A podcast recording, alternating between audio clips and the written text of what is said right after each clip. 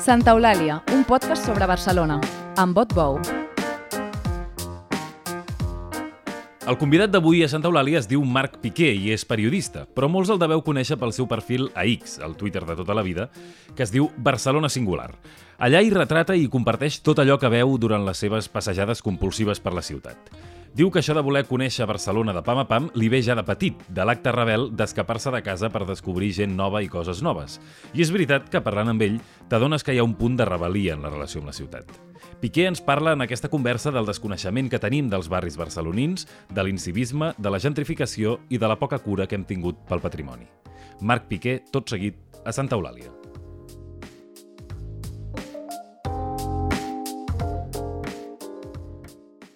Marc Piqué, benvingut a Santa Eulàlia. Gràcies, com estàs? És un plaer tenir-te aquí.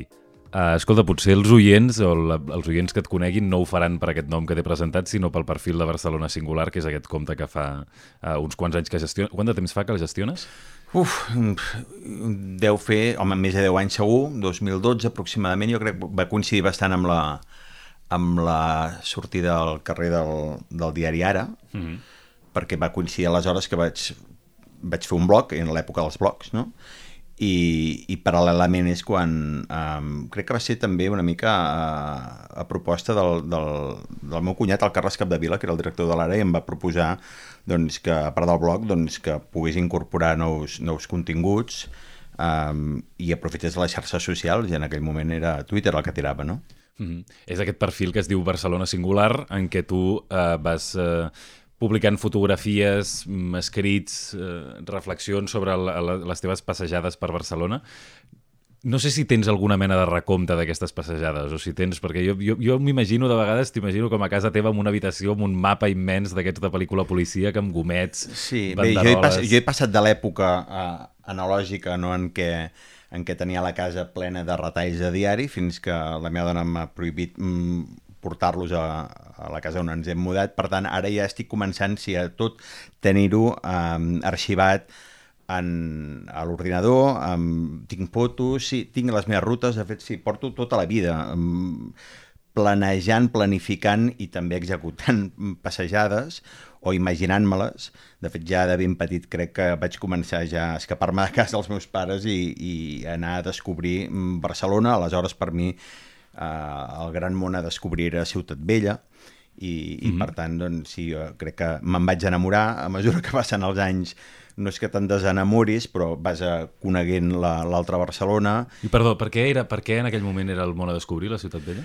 Bé, perquè, de fet, jo crec que és el... Clar, això depèn, eh? Depèn de, de, del, del grup d'amistats amb qui... i d'on treballa, d'on estudis. Um, jo em, em movia sobretot per, per, doncs, pel Raval, doncs, eh, o, o vius i treballes o estudies i et mous per la zona alta, o habitualment sóc de la generació que doncs, anàvem a la plaça Reial, i aleshores són llocs que, que coneixia de jove però que després em sorprenia no, no saber-me orientar, no? Jo crec que i després perquè hi havia també hi ha un instint periodístic, suposo, que és que m'interessava conèixer una realitat que és la que em fascinava, que és la que no coneixia el meu barri, el meu barri era el barri de Naves, um, altrament dit Torrent de la Guineu, que m'agrada molt més, a veure si algun dia um, doncs s'aconsegueix... Recull el nomenclàtor, diguem. Bé, sí, de fet hi ha un compte de Twitter i crec que fins i tot als propis veïns els hi agradaria, per allà passava el torrent de la Guineu i de fet té molt més sentit. De fet, el Naves a part de que prové del nom d'una batalla, que poca vinculació té amb, Barcelona, separa dos barris, és a dir, eh, tu pots viure al barri de Naves i, i en canvi doncs, està visquent al Clot o al Camp de l'Arpa, uh, no només a Naves, bé, és igual.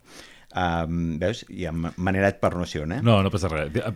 Sí que et volia preguntar per això, per, per tancar el tema de la Ciutat Vella. Què et recordes d'aquella primera Ciutat Vella que et va iniciar amb les teves passejades? Doncs això una mica el que em fascinava és veure una Barcelona que aleshores sí que era diferent respecte, Ciutat Vella era diferent respecte a la resta de la ciutat.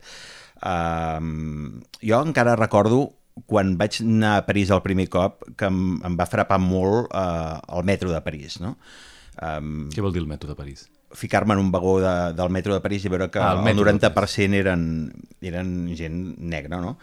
Aleshores, um, és una cosa que, clar, ara noves generacions, per sort, no se sorprenen d'aquesta multiculturalitat, però això mm, fa 30 anys eh, era sorpresiu, no? I, de fet, on trobaves aquesta multiculturalitat era, era a Ciutat Vella i al Raval, i això em fascinava. Fascinava per tots els sentits, perquè a mi, eh, i en el meu compte parlo de tot, parlo de parlo d'arquitectura, en la mesura que puc parlar d'arquitectura perquè no en tinc ni idea d'arquitectura, però um, parlo de racons uh, singulars, de, de llocs que a mi m'agraden, però en particular com a periodista a mi m'agrada parlar amb la gent. Això no ho pots recollir un tuit. Això jo ho sé, que el Twitter al final uh, simplifiques molt i difícilment pots extendre't en allò que més m'apassiona, que és parlar amb la gent. Bé, però et va, segurament et va modificant la mirada, no?, a tu mateix. És, és una cosa, és un aprenentatge social que et vas carregant com una motxilla i que després afecta la manera com veus la ciutat a mi i sempre, com la retrates. A mi sempre...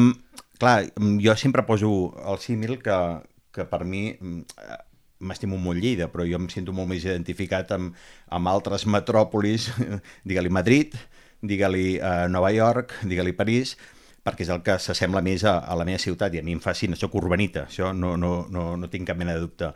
I, evidentment, Ciutat Vella em fascinava aquesta multiculturalitat que ara s'ha estès a tota la ciutat, que agraeixo perquè a més és una manera... Però que realment una manera d'introduir-te i de descobrir la ciutat també és descobrir la seva gent.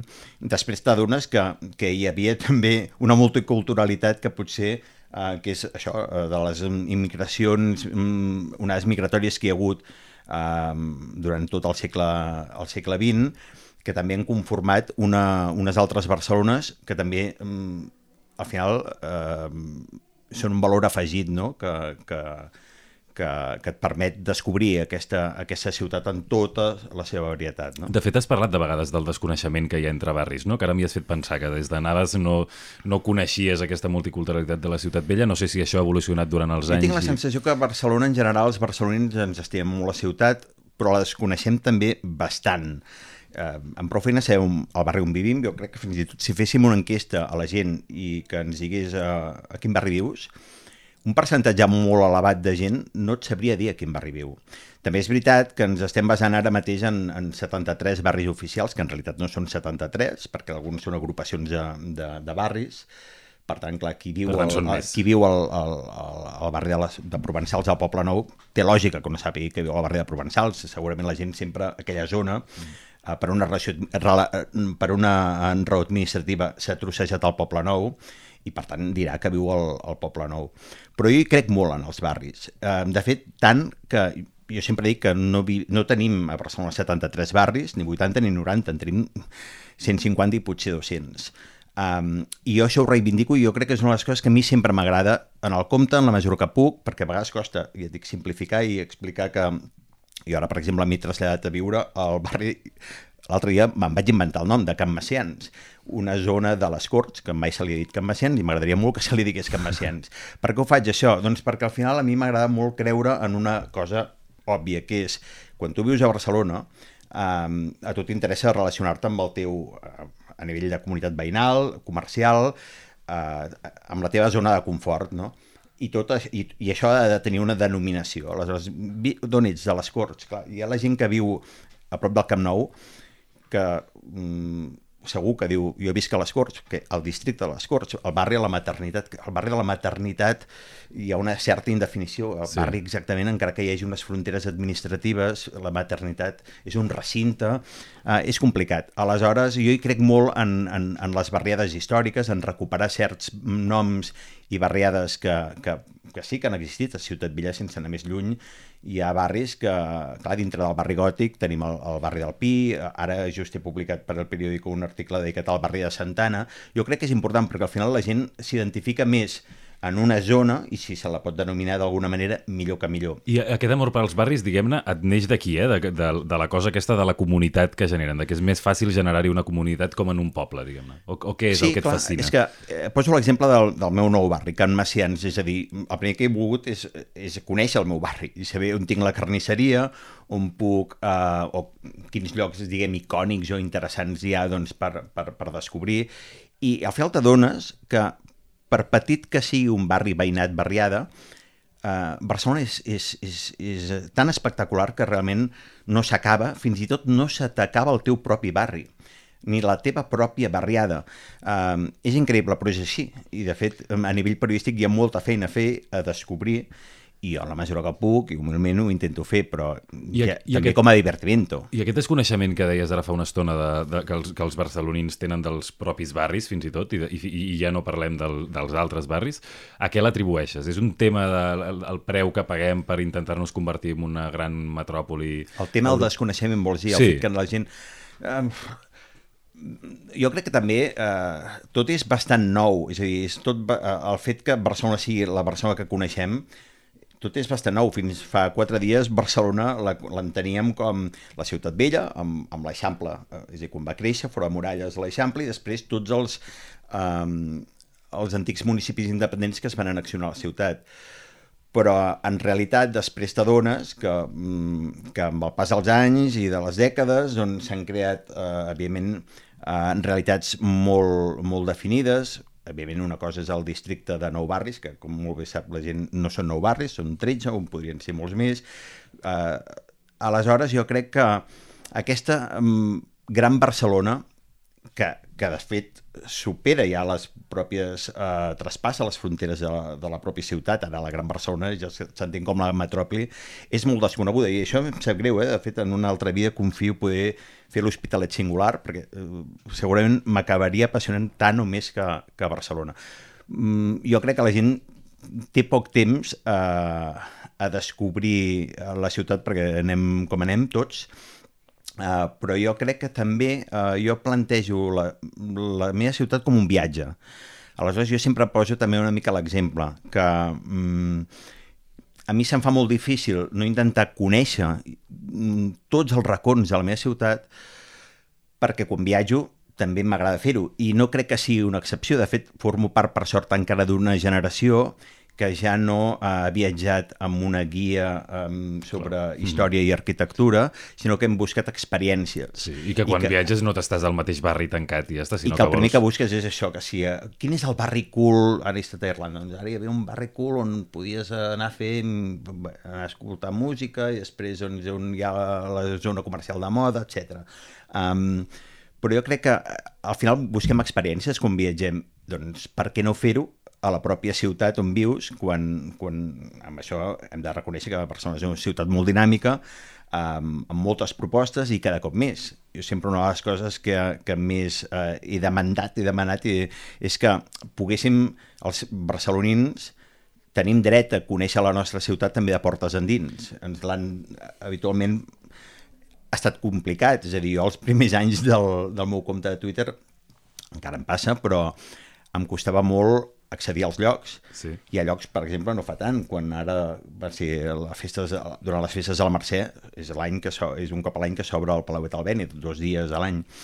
I, I com entres al Palau del Bènit i dius, val, molt bé, això està concebut com una residència pels Reis, no sé què, però és propietat de l'Ajuntament, les despeses eh, van a càrrec, crec, de la, de la Casa Reial o del, o del govern eh, espanyol, però, però dius, no pot ser que tinguem aquesta meravella i la ciutadania no la conegui i a sobre se'ns obliga a veure-la un o dos cops a l'any eh, 3, eh, 3.000, 5.000, 10.000 persones en un cap de setmana eh, atrafegadament. Mm -hmm. Dius, a- aleshores crec que ara hem tingut i tenim la sort de, de que s'estan obrint eh, les portes i cada cop hi ha més cases o museus, Mm, de fet els hotels ja estan democratitzant els seus terrats, ja no són només per, per turistes. Jo crec que al final estem coneguent noves vistes a la ciutat, és a dir, cada cop s'obren més miradors, mm, tenim una, una visió molt més global o, o parcel·lada en funció d'on estiguis de, de la ciutat i això la, el que fa és enriquir-la. I les diferències entre barris a Barcelona, perquè no és el mateix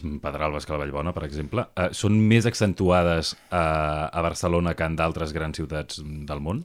O menys, accent- A o veure, menys jo accentuades? entenc i crec que aquí és un, hem de fer un, és un favor de la ciutat, és a dir, no, no cal anar molt lluny, eh? només cal anar a París per veure um, com és la perifèria, no? Um, aquí jo sempre recordo que hi havia un debat sobre el tema dels guetos, no? que es parlava de que, hosti, mm, aquí, que clar, que s'ha d'evitar i sempre s'ha intentat evitar que hi hagués guetos a Barcelona. Uh, I de fet, com a tal, guetos no existeixen i, i, i jo crec que s'arriba a la conclusió que la gent viu allà on vol viure. És a dir, evidentment, no? Um, tenim exemples. Ara, per exemple, i alguns que potser entren en contradicció amb el que dic. Hi ha molts bolivians, s'ha creat una petita Bolívia al Turó de la Peira, val? Mm. i també hi ha un petit barri dominicà, jo sóc del Poble Sec, eh, hi ha molts dominicans, però també hi ha un petit barri dominicà eh, al Turó de la Peira. Home, hi ha una raó, una raó que, que justifica perquè hi ha bolivians del Turó de la Peira i no al Carmel. Doncs perquè va haver-hi la luminosi. Aleshores, el cas de, el, quan va haver-hi uh, tot el tema de la luminosi dels edificis afectats per la luminosi, um, què es fa amb tots aquests edificis aquesta, um, que estan pendents de reformar? Moltes immobiliàries se'n van aprofitar i um, aprofitant una onada migratòria a principis dels 90, mitjans dels 90, aquí li pots llogar un pis um, que no sapi que no sapi que allà hi havia luminosi. I molts que van llogar i van comprar pisos a, a la, al Turó de la Pera doncs eren bolivians, dominicans que s'han trobat després amb aquesta problemàtica. Per sort tot s'ha anat uh, resolent. Ara crec que el carrer Cadí és un dels carrers més xulos a Barcelona, a més crec que s'ha reformat i rehabilitat molt les finques, però vull dir que a vegades hi ha unes justificacions i unes explicacions del per què s'ha crea, creat un gueto. Um, hi havia dubtes sobre si el Raval tots són guetos. A veure, um, i ara fa poc vaig escriure sobre el, el petit punt del barri del Besòs, perquè estan al Besòs i no estan a, a la nova esquerra de l'Eixample els pakistanesos, és evident que al final tot influeix en una ciutat com aquesta en què pràcticament és impossible accedir a, a l'habitatge. Però al final també és veritat que quan es crea comunitat doncs vas al barri del Besòs i t'adones que tenen els seus comerços um, i viuen contents i feliços i a part um, ells ho diuen que viuen millor que mai. Això una mica em, em recorda quan parlo amb el, amb, amb la gent d'origen espanyol, eh, de les Espanyes que van viatjar, sí. eh, van venir a Barcelona a viure, que també una mica passava el mateix, per això sempre al final crec que a Nou Barri sempre guanyaven els socialistes, estaven agraïts a tots els canvis, sobretot arran de l'època del Maragall, com van eh, fer bonics els barris de, de Nou Barris. En part, el que feien era a fer allò que no havia fet l'administració franquista ni potser les posteriors, que és urbanitzar els carrers o tota la lluita veïnal va, va, va contribuir a això, Millorar però sobretot, uh, clar, de fet vas a certs barris de, de nou barris i la gent amb raó està no només orgullosa, sinó que viu bé, hi ha molta qualitat de vida. Una altra cosa després és aquest problema global, que no és un problema de Barcelona, que és l'accés a l'habitatge, o el cost de la vida, clar. Mm -hmm. uh, parlem d'un barri concret, que és el barri, diria, corregeix-me si m'equivoco, que has viscut més anys, que és la França Xic al peu de Montjuïc. M'agrada que diguis la França Xic. Després, després ens, ens expliques per què mm. te n'has anat, però primer, si breument ens pots fer una explicació de la història del barri, i de, i de la, no només Bé, de la història del barri, sinó de la teva història Bé, del no, barri, també. No sóc historiador, però és evident que jo, per això, per tot el que he estat explicant, és obvi que si jo vinc, vaig a viure al Poble Sec, el primer que vull saber és ben bé on... De fet, quan vaig anar a viure fa 19 anys al Poble Sec no tenia molt clar on, a quina zona del Poble Sec m'ubicava, després ben aviat vaig adonar-me que vivia en una de les barriades del Poble Sec, ara es pot dir que el Poble Sec està dividit en quatre veïnats, eh, molt definits, que són les Hortes de Sant Bertran, l'Eixample de Santa Madrona, la Francesca i la Satalia. Satalia també és un, com la Clota, una zona de Barcelona molt curiosa, eh, on encara hi, hi ha horts i encara hi ha gent que treballa, eh, o que hi ha un cert passat rural que encara, que encara perdura. Eh, la Francesca és molt curiós perquè ha estat sempre a la zona a veure, el barri, el Poble Sec és un barri de, de classe mm, mitjana baixa, gent humil, modesta, treballadora, també la Francesca, però sempre ha estat una zona més tranquil·la, més residencial, um, i històricament és curiós perquè, de fet, la França que no pertanyia al poble sec. A finals del segle XIX va haver un projecte um, doncs, del, encarregat al Josep, l'Ajuntament va encarregar al Josep Amargós, l'arquitecte, uh, crec que era municipal, um, doncs, que fes un projecte per al barri, perquè està tota aquella zona... Degradada. Eh, no, diguem que estava com dispersa, hi havia quatre cases, mm. no estava ben urbanitzada, i per posar-hi una mica d'ordre es va encarregar al Josep Amargós un projecte d'urbanització um, que anava molt més enllà de l'actual França Xica, és a dir, de l'extrem eh, del, aquest extrem eh, del, del poble sec, arribar fins a l'actual font de la Guatlla. Um, el que va passar simplement és que aquest projecte només va, va executar-se a mitges perquè entremig eh, va haver una prioritat per part de l'Ajuntament que era les exposicions, després va ser la, la Universal, però primer no sé si va ser una de maquinària, i es va preferir utilitzar bona part del que és el, el, el terreny que era Montjuïc, eh, no per construir-hi el barri de la França, eh, que de fet no era francès sí, que era de la França, eh, sinó per fer-hi aquesta exposició. De manera que eh, va quedar compartit el projecte de l'Amargós en una banda i l'altra. La banda més llunyana va acabar tenint un altre nom, que és uh, la Font de la Guatlla, i la França, que ja no era França perquè era més petita, se li va acabar dient la xica, França xica.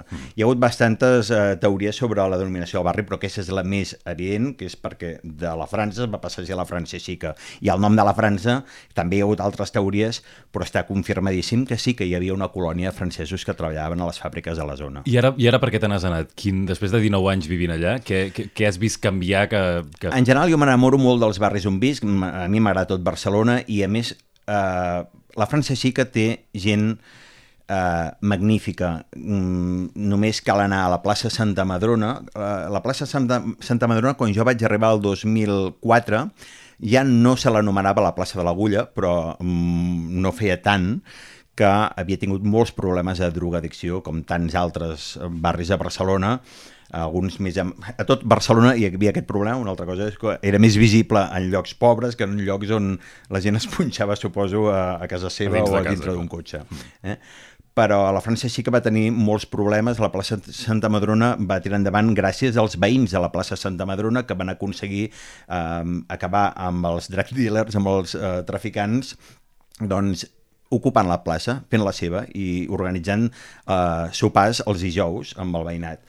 Um, quan hi ha la festa major del, del, del barri, de, bueno, del Poble Sec, que abans es feia coincidir amb, amb Santa Madrona, però ara coincideix amb les festes del Poble Sec, um, la plaça s'omple de gent autòctona, eh, que mal dit, que lleig, però no, al final Sí, gent sí, que de porta, veïns que gent que porta tota la vida i, i és curiós veure, és, és, és, a mi se'm, queia, se'm cau la llagrimeta veure la quantitat de gent gran que, que, que, que hi és. I aleshores eh, que participa de la festa i t'adones que és un barri molt barri.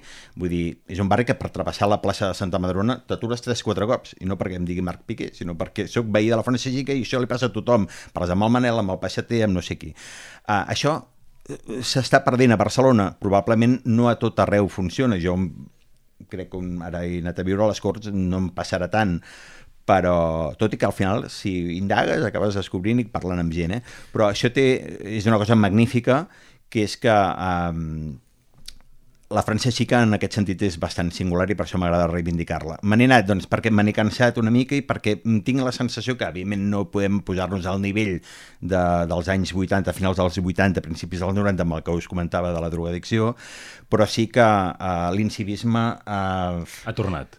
ha, ha calat molt uh, i, i hi ha també diversos motius. Estem parlant d'un barri, uh, el poble sí que és un barri molt dens i per tant és un barri que jo crec que s'ha de fer una certa discriminació positiva, no? de, de, de, de posar-hi molt l'ull, de, de tenir-hi molta cura, i jo crec que amb algunes coses no s'ha no resolt bé, mm, però bé, més enllà d'això... Ah, I de, fa 20 anys va ser un dels primers barris afectats per la llei de barris del tripartit que intentava millorar tot això. No sé I, i va millorar, va em tenir, sorprèn però- que després hi va haver carrers com el meu carrer, el carrer del costat, que era el de la Font Honrada, que els pobres no, no els hi van arreglar ni una rajola.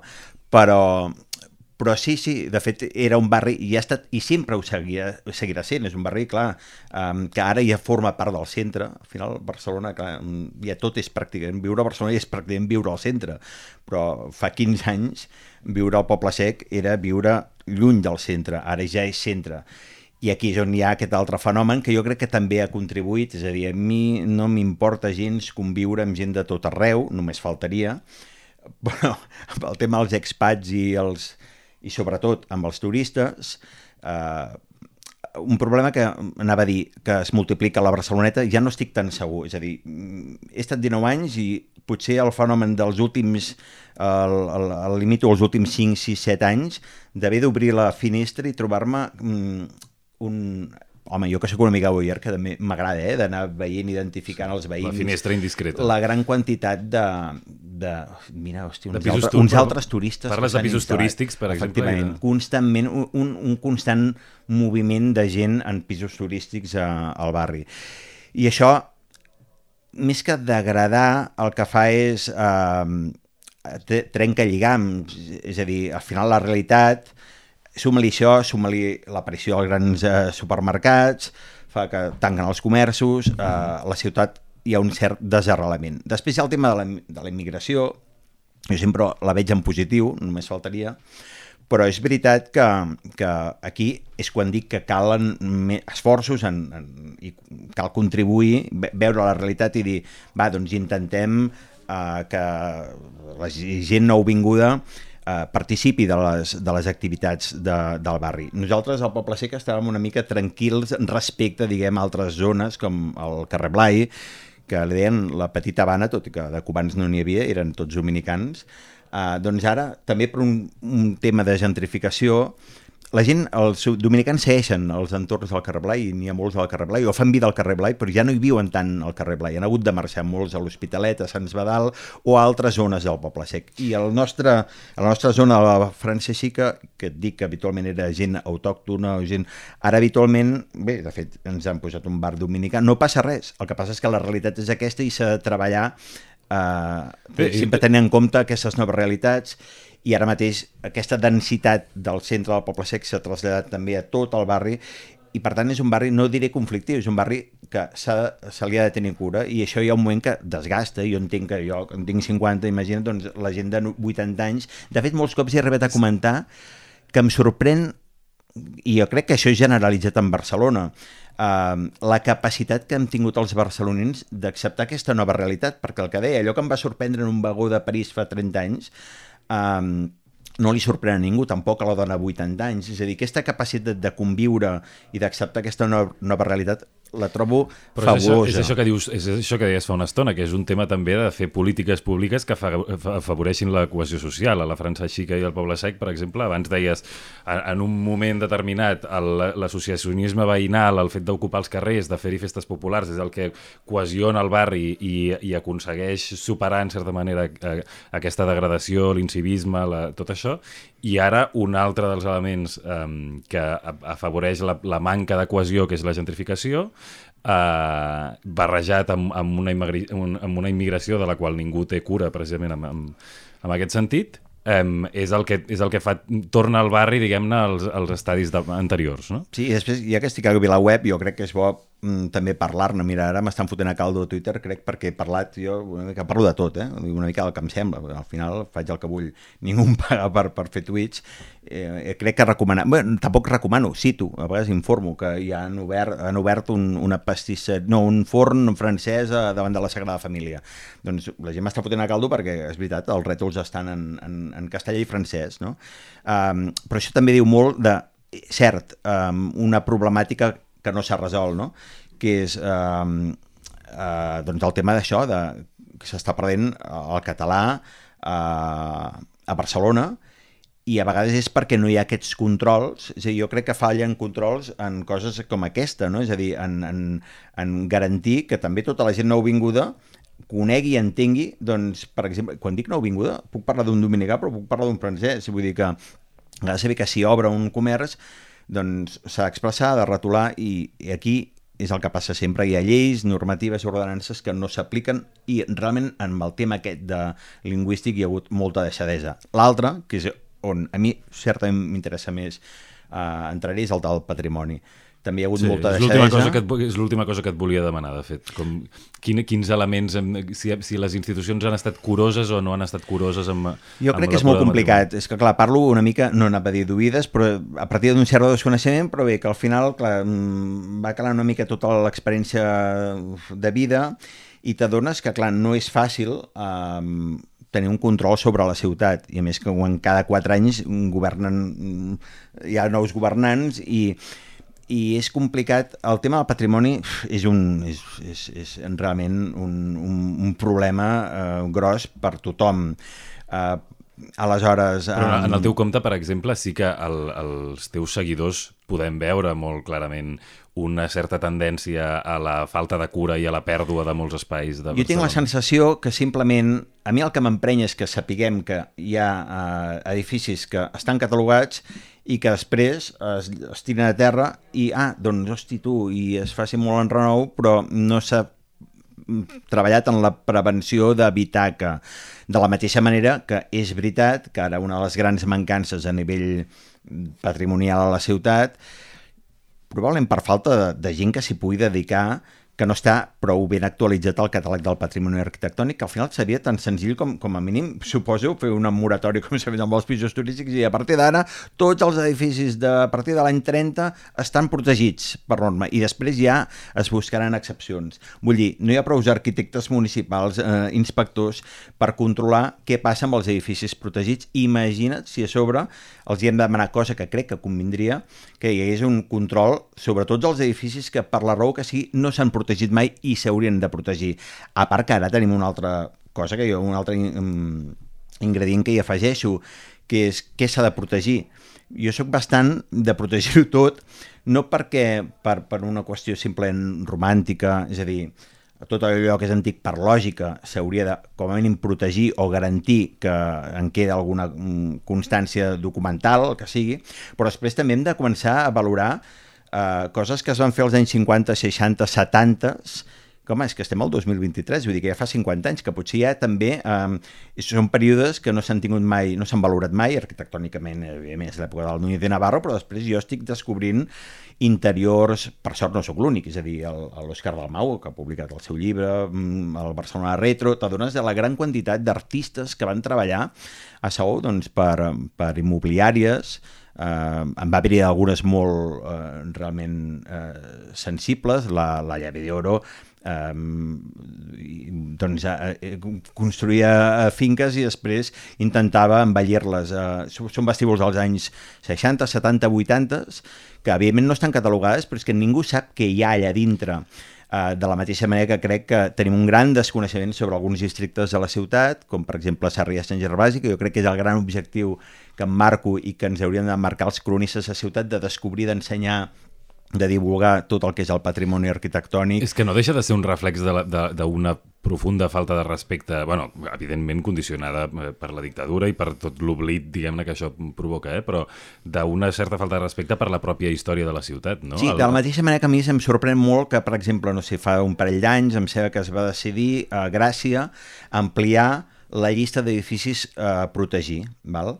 O sigui que van afegir, en van afegir 500, no estic segur, eh? potser m'equivoco, 300, és igual, una llista de molts més edificis que queden protegits, cosa que després també la mires i dius, i, i per què aquest sí i aquest altre no, perquè després a mi me'n segueixen sortint, vaig pels barris de, del districte de Gràcia i descobreixo que bueno, aquest edifici tampoc no està catalogat però és que em sorprèn, per exemple, que de la mateixa manera que Gràcia com a Inceftalgo, sembla que a Horta Guinardó es vol fer arran també de l'enderroc ara fa poc d'una un, última caseta baixa del carrer Xipre, um, d'altres districtes és que, no, és que ni s'ha plantejat.